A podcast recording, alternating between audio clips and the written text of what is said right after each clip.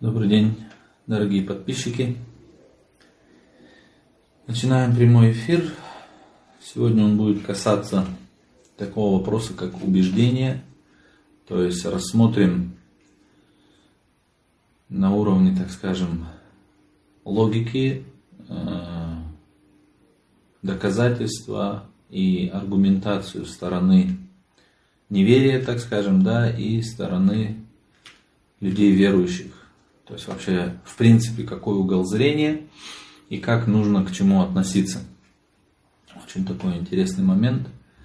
Просто из-за рассеянности и невнимательности у многих людей, даже у верующих, возникает, так скажем, какая-то неуверенность, то есть нет, так скажем, истинной убежденности. Поэтому именно сегодня такой интересный момент рассмотрим так как э, смысл и цель направления человека в этот мир, да, то есть для чего Всевышний Создатель и создал этот мир и направил человека сюда, это именно, то есть для того, чтобы человек познал Творца, да, уверовал и, естественно, поклонялся Ему. То есть естественной обязанностью и долгом человека является познание Господа, вера в Него, а также с пониманием и несомненностью, то есть утверждение его существования и его единства. То есть, как только у человека появляются сомнения в его вот этой убежденности вере, то, соответственно, это как бы разрушает многие деяния человека, да, то есть человек уже не видит смысла многие вещи там соблюдать, делать там и так далее. Поэтому вот эта убежденность, вот этот уровень как бы развития веры, он очень важен. Да, человек по своей природе желает вечную жизнь и имеет постоянные стремления да, и нескончаемые страдания. То есть, если, опять же, как мы в предыдущих некоторых прямых эфирах об этом говорили, то есть, если внимательно присмотреться к естеству человека, да, то явно видно, что человек, он создан, грубо говоря, и его естество желает вечности, то есть он не хочет, чтобы что-то кончалось там, да, все его расстраивает, какие-то даже самые мелкие вещи, там что-то маленькое теряет, и уже человек начинает, грубо говоря, от этого испытывать некомфорт, так скажем, да, а представьте, то есть, когда человека ждут там такие впереди события, как смерть, там, расставание, поэтому у человека, то есть, он желает вечной жизни, и имеет постоянные стремления и нескончаемые страдания. И, конечно же, все прочее, да, все прочее, все прочие вещи, какие-то достоинства, помимо, помимо веры в Господа, познания Его и сопутствующих этому причин, которые являются истинной основой и ключом, ключом к той вечной жизни, относительно такого человека незначительны и ничтожны. То есть, несомненно, большинство из них не представляет значения. То есть, грубо говоря, пока человек не ответил на такие глобальные вопросы, в чем вообще смысл жизни, да, есть ли Творец, существует ли вечная жизнь и так далее, то все остальное тем более является очень таким не являющимся, так скажем, важным для него. Да, а как только человек с этим определяется, соответственно, он понимает, грубо говоря, что ему делать по жизни, куда ему идти, что стоит делать, что не стоит делать, что лишнее, что необходимо и так далее. В связи с этим рассмотрим некоторые опасности, да, которые в наше время подрывают убежденность в вере и вселяют сомнения верующих людей. Да? Но сегодня мы именно рассмотрим вот такой очень интересный момент. В общих вопросах да, отрицание по отношению к утверждению не представляет значения, и сила отрицающих она будет незначительна. То есть на самом деле те, кто что-то отрицают, те, кто в что-то не верят, на самом деле их позиция очень слаба. Хоть она внешне и кажется сильной, но на самом деле она очень слаба. Для того, чтобы это понять, приведем такой пример. Например, в отношении обнаружения на небе молодого месяца, да, если два свидетеля из простого народа, не ученые люди, да, подтвердят появление вот такого молодого месяца, а тысячи почетных граждан, ученых, сказав, мы не видели, будут отрицать, то их отрицания не будут представлять значение и они будут маловажны. Почему? Дело в том, что в утверждении каждый придает друг другу силу, то есть есть солидарность и согласие. В отрицании же одно оно или тысяча не имеет значения. Каждый останется сам по себе, будет обособленным, потому что утверждающий человек будет выносить объективное решение, исходя из существа вопроса. Да? А отрицающий человек так не может поступить. Например, как было в нашем примере, да? то есть если кто-нибудь скажет, на небе появился месяц, а другой подтвердит это. Да? То есть два человека сказали одно и то же. Они, объединившись, образуют силу. А в отрицании же решение не исходит и не может исходить из существа вопроса. Дело в том, что любое отрицание ну, конечно, не являющийся частным и не относящийся к частному случаю, оно практически недоказуемо. Это является общеизвестным правилом именно, так скажем, логики. Например, к примеру, я буду утверждать, что на свете существует некая вещь, а кто-то да, скажет, что ее нет. Тогда, чтобы доказать свое отрицание тому человеку, то есть небытие данной вещи, существование которой утверждающий человек может легко доказать одним движением руки, то есть указав на эту вещь, или где она лежит, или какие-то плоды и признаки этой вещи. То есть ему необходимо будет обыскать весь мир и показать, что ее нет, и даже будет необходимо увидеть все стороны прошлого. А затем он только может сказать, что ее не существует. То есть, чтобы действительно человек мог утверждать, что чего-то в мире не существует, он должен реально обрыскать, грубо говоря, весь мир и даже заглянуть, грубо говоря, в прошлое, и только потом он может реально доказать, вот видишь, ничего не существует. То есть, ну, можно уменьшить пример, там, вот там в квартире, да. То есть, один человек в этой квартире говорит, что-то есть, к примеру, какая-то вещь. А другой говорит, нет. И отсюда исходим, вот для того, чтобы человеку, который утверждает, чтобы ему доказать, что эта вещь есть в этой квартире, ему что нужно? Он просто эту вещь покажет. Да, или скажет, где она лежит в этой квартире. Но человеку, который хочет именно доказать свое отрицание, ему придется реально обыскать всю квартиру с тем человеком, кому он хочет доказать. И ткнуть, грубо говоря, его носом, сказать, вот смотри, здесь нету, тут нету, там нету, нету, нету, нету, нету. И только после этого он может реально доказать свое существование. То есть, поскольку не признающие и отрицающие не будут исходить из существа вопроса, они выносят решение, полагаясь на себя, на свой разум, на свой взгляд. Разумеется, они не смогут придать друг другу силы, быть опорой как бы друг другу.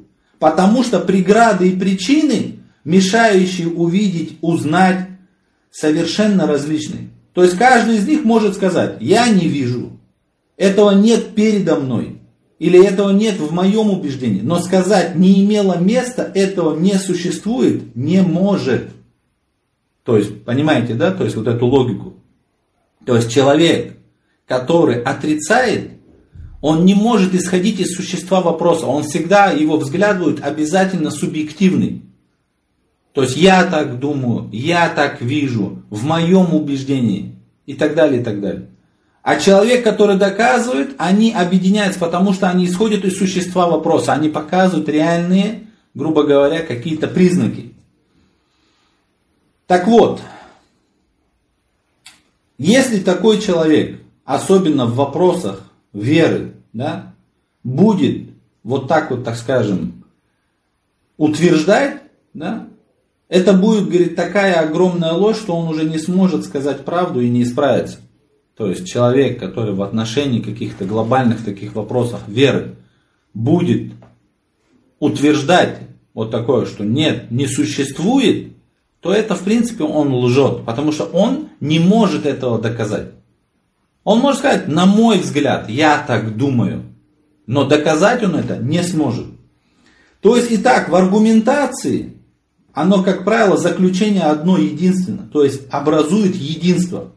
В отрицании же количество заключений не одно, они все различны. С увеличением в зависимости от каждого таких оговорок типа «передо мной», «на мой взгляд», в моем убеждении, увеличивается и число заключений, и единства уже не будет. Таким образом, исходя из этой истины, многочисленность и внешнее большинство атеистов, отрицающих и противостоящих вере, оно не имеет значения. То есть многие думают, что вот, ну большинство же людей так, так. Но на самом деле их позиции с точки зрения убежденности очень слабы. То есть они не подкрепляют друг друга. Да? И когда эти отрицания совершенно не должны вселять сомнений в убеждения верующих людей, в наше время непризнание и отрицание каких-то там философов, да, там, посеяв сомнения в умах некоторой части несчастных людей, которые увлечены их идеями, лишили их убежденности и уничтожили их счастливую вечную жизнь и в принципе жизнь счастливую в этом мире. Почему? Потому что смерть, ежедневно уносящую жизни тысячи, может быть миллионов людей, выведя из значения своеобразного освобождения от прижизненных обязанностей, они обратили в образ вечного небытия, вечного мрака. То есть неизбежная могила, постоянно напоминая этому неверующему, безбожному человеку о его кончине, отравляет его жизнь горькими страданиями. И так отсюда нужно понять, каким великим счастьем и душой жизни является вера, осознанная вера. Да? То есть представьте, грубо говоря, вот эти философы, да, вся вот эта, так скажем, нынче цивилизация, да, то есть вселила там, в прошлом веку, до этого, да, постепенно, постепенно они работали над тем, чтобы у людей, грубо говоря, убить веру, да, то есть посеяли сомнения через что? Через науку, через вот это рассеяние мыслей, да, то есть утонули в этой материальности, то есть и по сути, забрав у людей веру, забрав у людей вот это понимание, что они сделали? То есть смерть, да, которая касается каждого человека. На взгляд неверующего человека, на взгляд безбожной идеи, грубо говоря. Чем является? Исчезновением в небытие. Все, вечный мрак. Да? Потом куча всяких событий, болезни, несчастья какие-то там, беды и так далее, полностью потеряли смысл, так как нету автора, все случайно, все само по себе. И у человека вообще нет ответов на все эти вопросы. Но при этом через всякую вот сейчас там рекламу, через культуру, через всякое развлечение человеку говорят, ну ты должен наслаждаться. То есть вот представьте просто состояние человека, то есть у него забрали самые основные важные вещи, которые по сути его делают счастливым и в этом, и в ином мире, все это у него забрали, вот этот фундамент, да, и сказали, теперь ты должен быть счастливым, теперь ты должен веселиться, наслаждаться. Но это же невозможно, это же просто как мучение для человека. Для этого, чтобы он не чувствовал вот эти мучения, чтобы он об этом, обо всем не думал, то, что его ждет, там какая-то смерть, несчастье, болезни, они что придумали? Всякие, грубо говоря, развлечения, то есть, э, как сказать, вот это искусственное обезболивание тех проблем, которые перед ним стоят. То есть, по сути, как будто, как сказать, вот над таким плачевным состоянием человечества, которое они погрузили, да, через вот это безбожие, так скажем, через разрушение веры простых людей, они как будто издеваются над ними. То есть, грубо говоря, людей погрузили вот в эту безбожную мысль, потом, по сути, погрузили их в нищету, раздразнили их страсти, вот эти постоянные желания, постоянно их дразнят, грубо говоря, через всякие там медиа, да, рекламу и так далее. И как будто это просто такой издевательский смех над людьми. Да? То есть вы давайте, старайтесь, бегите за этой морковкой. И люди вот так вот и бегут. То есть все. То есть если чуть-чуть вот просто внимательно со стороны посмотреть, это реально просто какое-то издевательство над людьми. Хотя на самом деле, если внимательно вглядеться в убеждения безбожных людей, вот этих философов, да, материалистов, оказывается, у них абсолютно никаких нету доказательств. Никакой основы, никакого объединения. Так вот, еще один момент, который тоже нужно учесть в вопросе убеждений. К примеру, в некой проблеме какой-нибудь науки или какого-либо искусства ставший предметом диспутов, да, то есть каких-то споров, люди, стоящие за рамками той науки или того искусства, то есть, по сути, являющиеся некомпетентными да, в них, то есть в этих науках или в этих искусствах. То есть, какими бы великими и учеными, и мастерами они бы не были бы, да, то есть в каких-то своих направлениях, их мнения не окажут там никакого влияния, и их суждения не станут аргументом. То есть они не будут рассматриваться входящими в собрание ученых той науки. Например, да, например, влияние какого-нибудь великого инженера в исследовании и излечении некой болезни не будет и таким, который имеет какой-нибудь маленький лекарь. Да, или какой-то просто человек, который занимается здоровьем людей. И в частности, в духовной сфере не будут приниматься во внимание и иметь значение отрицание какого-либо самого великого философа, потому что разум его снизошел на глаза. То есть он может, грубо говоря, как сказать, размышлять только над тем, что он видит. То есть все, его разум, по сути, упал на глаза, который слишком занят в материальности и постепенно отдалился от духовности, становясь тупым и грубым к ее свету. Да, то есть человек, чем больше он погружается в материальность, а материальность, особенно в науке, да, то есть это там миллионы, миллиарды всяких причин и так далее, и человек просто рассеивается, то есть он тонет в этом, да, в этом болоте. И все. То есть его разум отдаляется от духовности, он не может постигнуть какие-то вещи. И, к примеру, да, там, если мы возьмем там великих там каких-то святых пророков и так далее, которые за всю историю человечества было там сотни, может быть, миллионы, да, знатоков истины, согласно объединяются в вопросах веры, да, в вопросах того, что существует Господь, что существует вечная жизнь и так далее, в вопросах святого и духовного. И исходя из вышесказанного, интересно было бы знать, а чего же стоят слова каких-то философов, которые утопли и отупели и задохнулись в самых беспорядочных и многочисленных мельчайших подробностях материальности? И не будут ли их отрицания и возражения такими же незначительными, как писк комара по отношению к раскату грома? То есть сами просто задумайтесь. То есть если эти люди реально не являются специалистами в этой области, то есть все, то, соответственно, их какие-то аргументы, их какие-то утверждения, они ничего не значат. Вообще, если рассмотреть сущность безбожия, выступающая против истин веры, это по сути некое просто отрицание, некое невежество. То есть люди, как правило, вообще не хотят погружаться в эти темы. Хотя сущность безбожия внешне и может казаться как бы какой-то утверждением, существованием, но его смысл это не бытие, а отрицание. И наоборот, вера же является наукой, существованием, утверждением, суждением. И даже как, какое-нибудь из негативных положений веры является предисловием и завет, завесой какой-нибудь положительной истины. Если атеисты, выступающие против веры, с большими трудностями, но будут стараться доказать и принять свои негативные убеждения в виде принятия и утверждения небытия, тогда это неверие в некотором отношении может рассматриваться как некая ошибочная наука или некое неверное решение. Иначе же, являющееся очень легким, одно лишь просто непринятие, просто отрицание веры с отсутствием подтверждения. Это абсолютное невежество и просто отсутствие суждения. То есть это просто невежество. То есть люди не хотят даже этим заниматься. То есть существует как бы два вида убеждения атеистов. Это первое, к примеру, присущее какое-то ошибочное утверждение, ложное убеждение, неверное принятие или неправильное суждение. Этот вид мы не будем рассматривать так, как он, грубо говоря, это просто заблуждение. Второй вид – это уже когда люди выступают против истин веры. Здесь тоже есть два вида. Первый – это простое непринятие, но без подтверждения этого это является просто неким невежеством. Здесь отсутствует суждение, и это просто.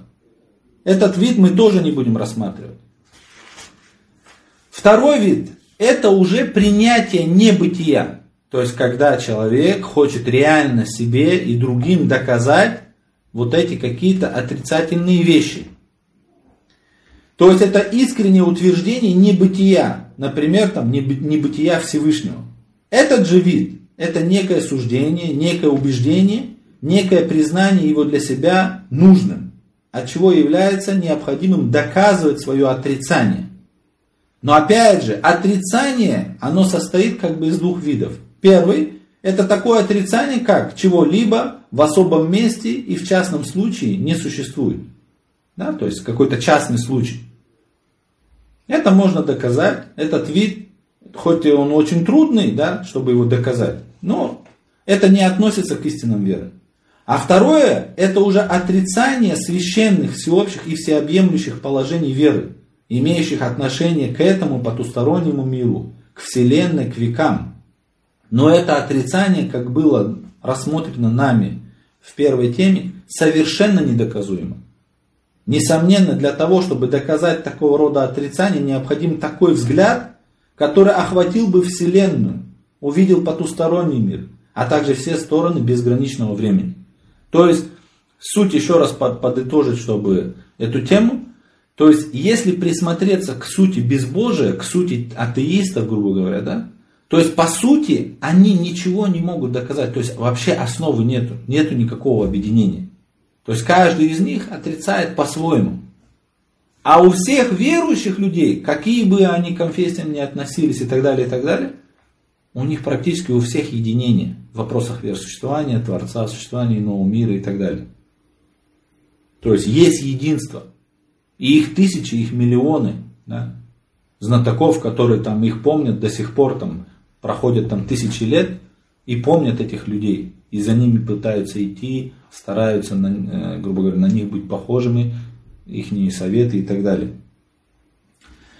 Вторая, какая еще есть опасность в убеждениях веры, это именно тоже как бы касается чего? То есть человеческий разум не может охватить некоторые вещи, то есть некоторые истины веры. То есть умы, которые ограничиваются в отношении божественного величия, грандиозности, безграничности, по причине пребывания в беспечности или совершения больших грехов, или же чрезмерной занятости в материальном, из-за того, что они не могут охватить и постичь грандиозных проблем, с некой научной высокомерностью станут отрицать и отвергать их.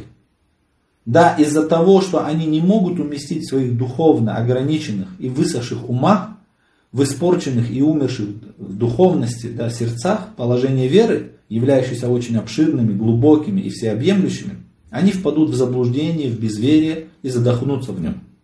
Но если они внимательно смогут присмотреться к сущности своего безверия и заблуждений, то увидят, что относительно являющегося понятным, достойным и необходимым величия, имеющегося в вере, в вере, да?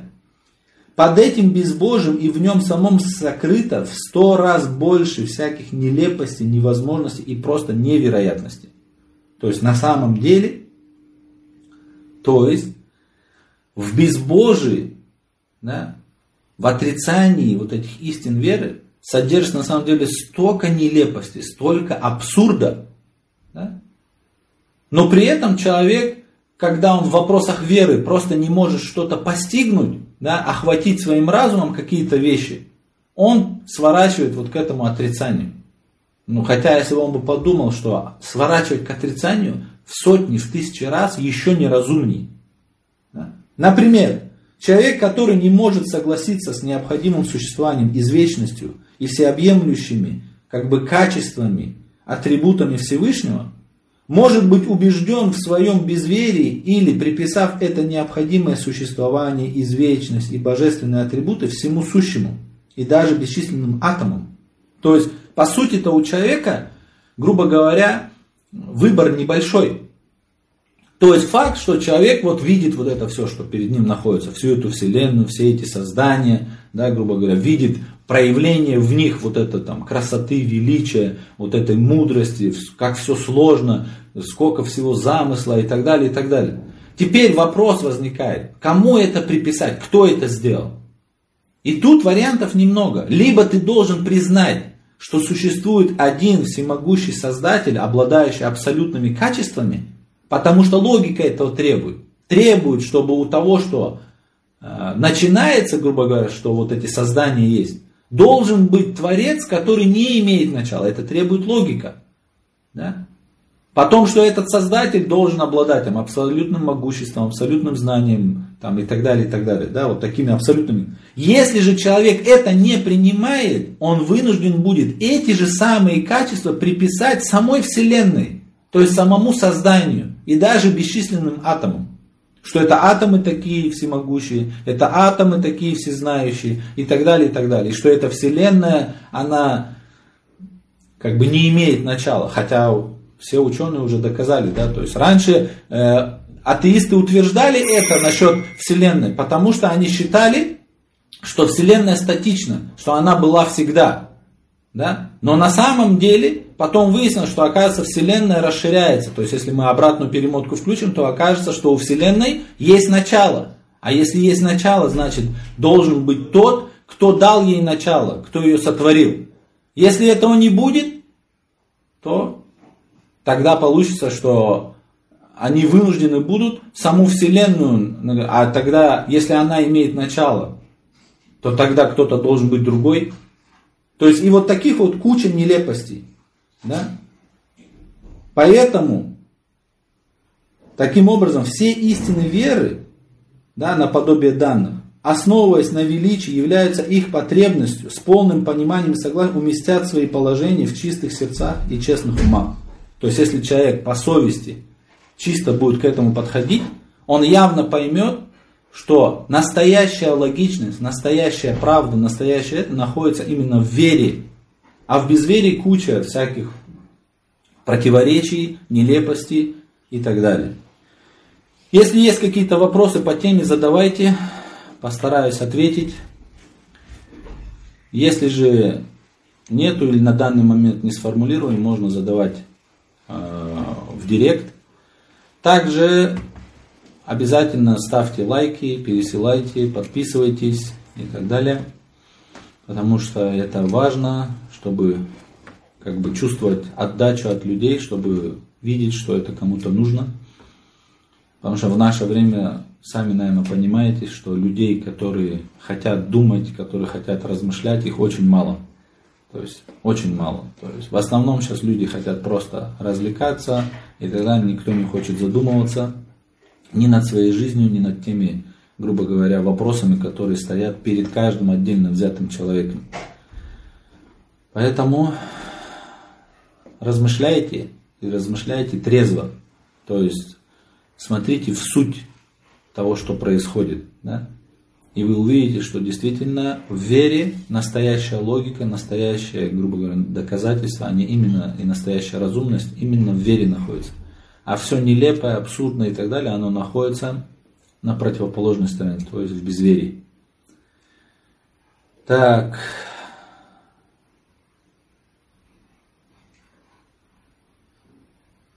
Ну, тут по-разному. Мы, в принципе, это все как раз в этом эфире и рассмотрели. То есть, одни просто, грубо говоря, избегают этих вопросов, не хотят.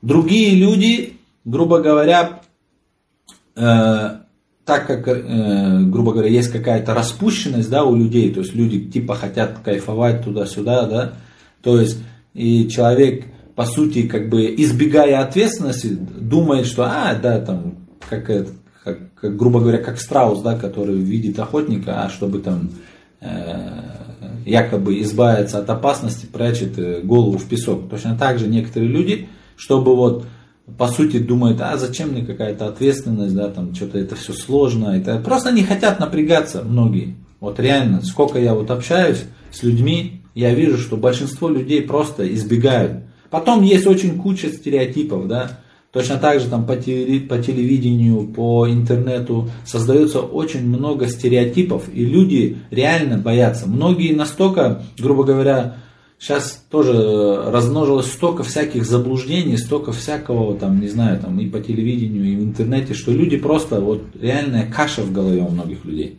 То есть люди не могут переварить вот этого всего потока, вот этой, грубо говоря, какую-то часть истины берут, смешивают ее Э, с обманом, да, с какой-то ложью, с каким-то заблуждением и запихивают людям через все вот эти. То есть, конечно же, в вере, грубо говоря, да, то есть тем людям, которые стараются так скажем, на пользу человечеству, работает огромная машина, которая не хочет, чтобы люди вообще думали.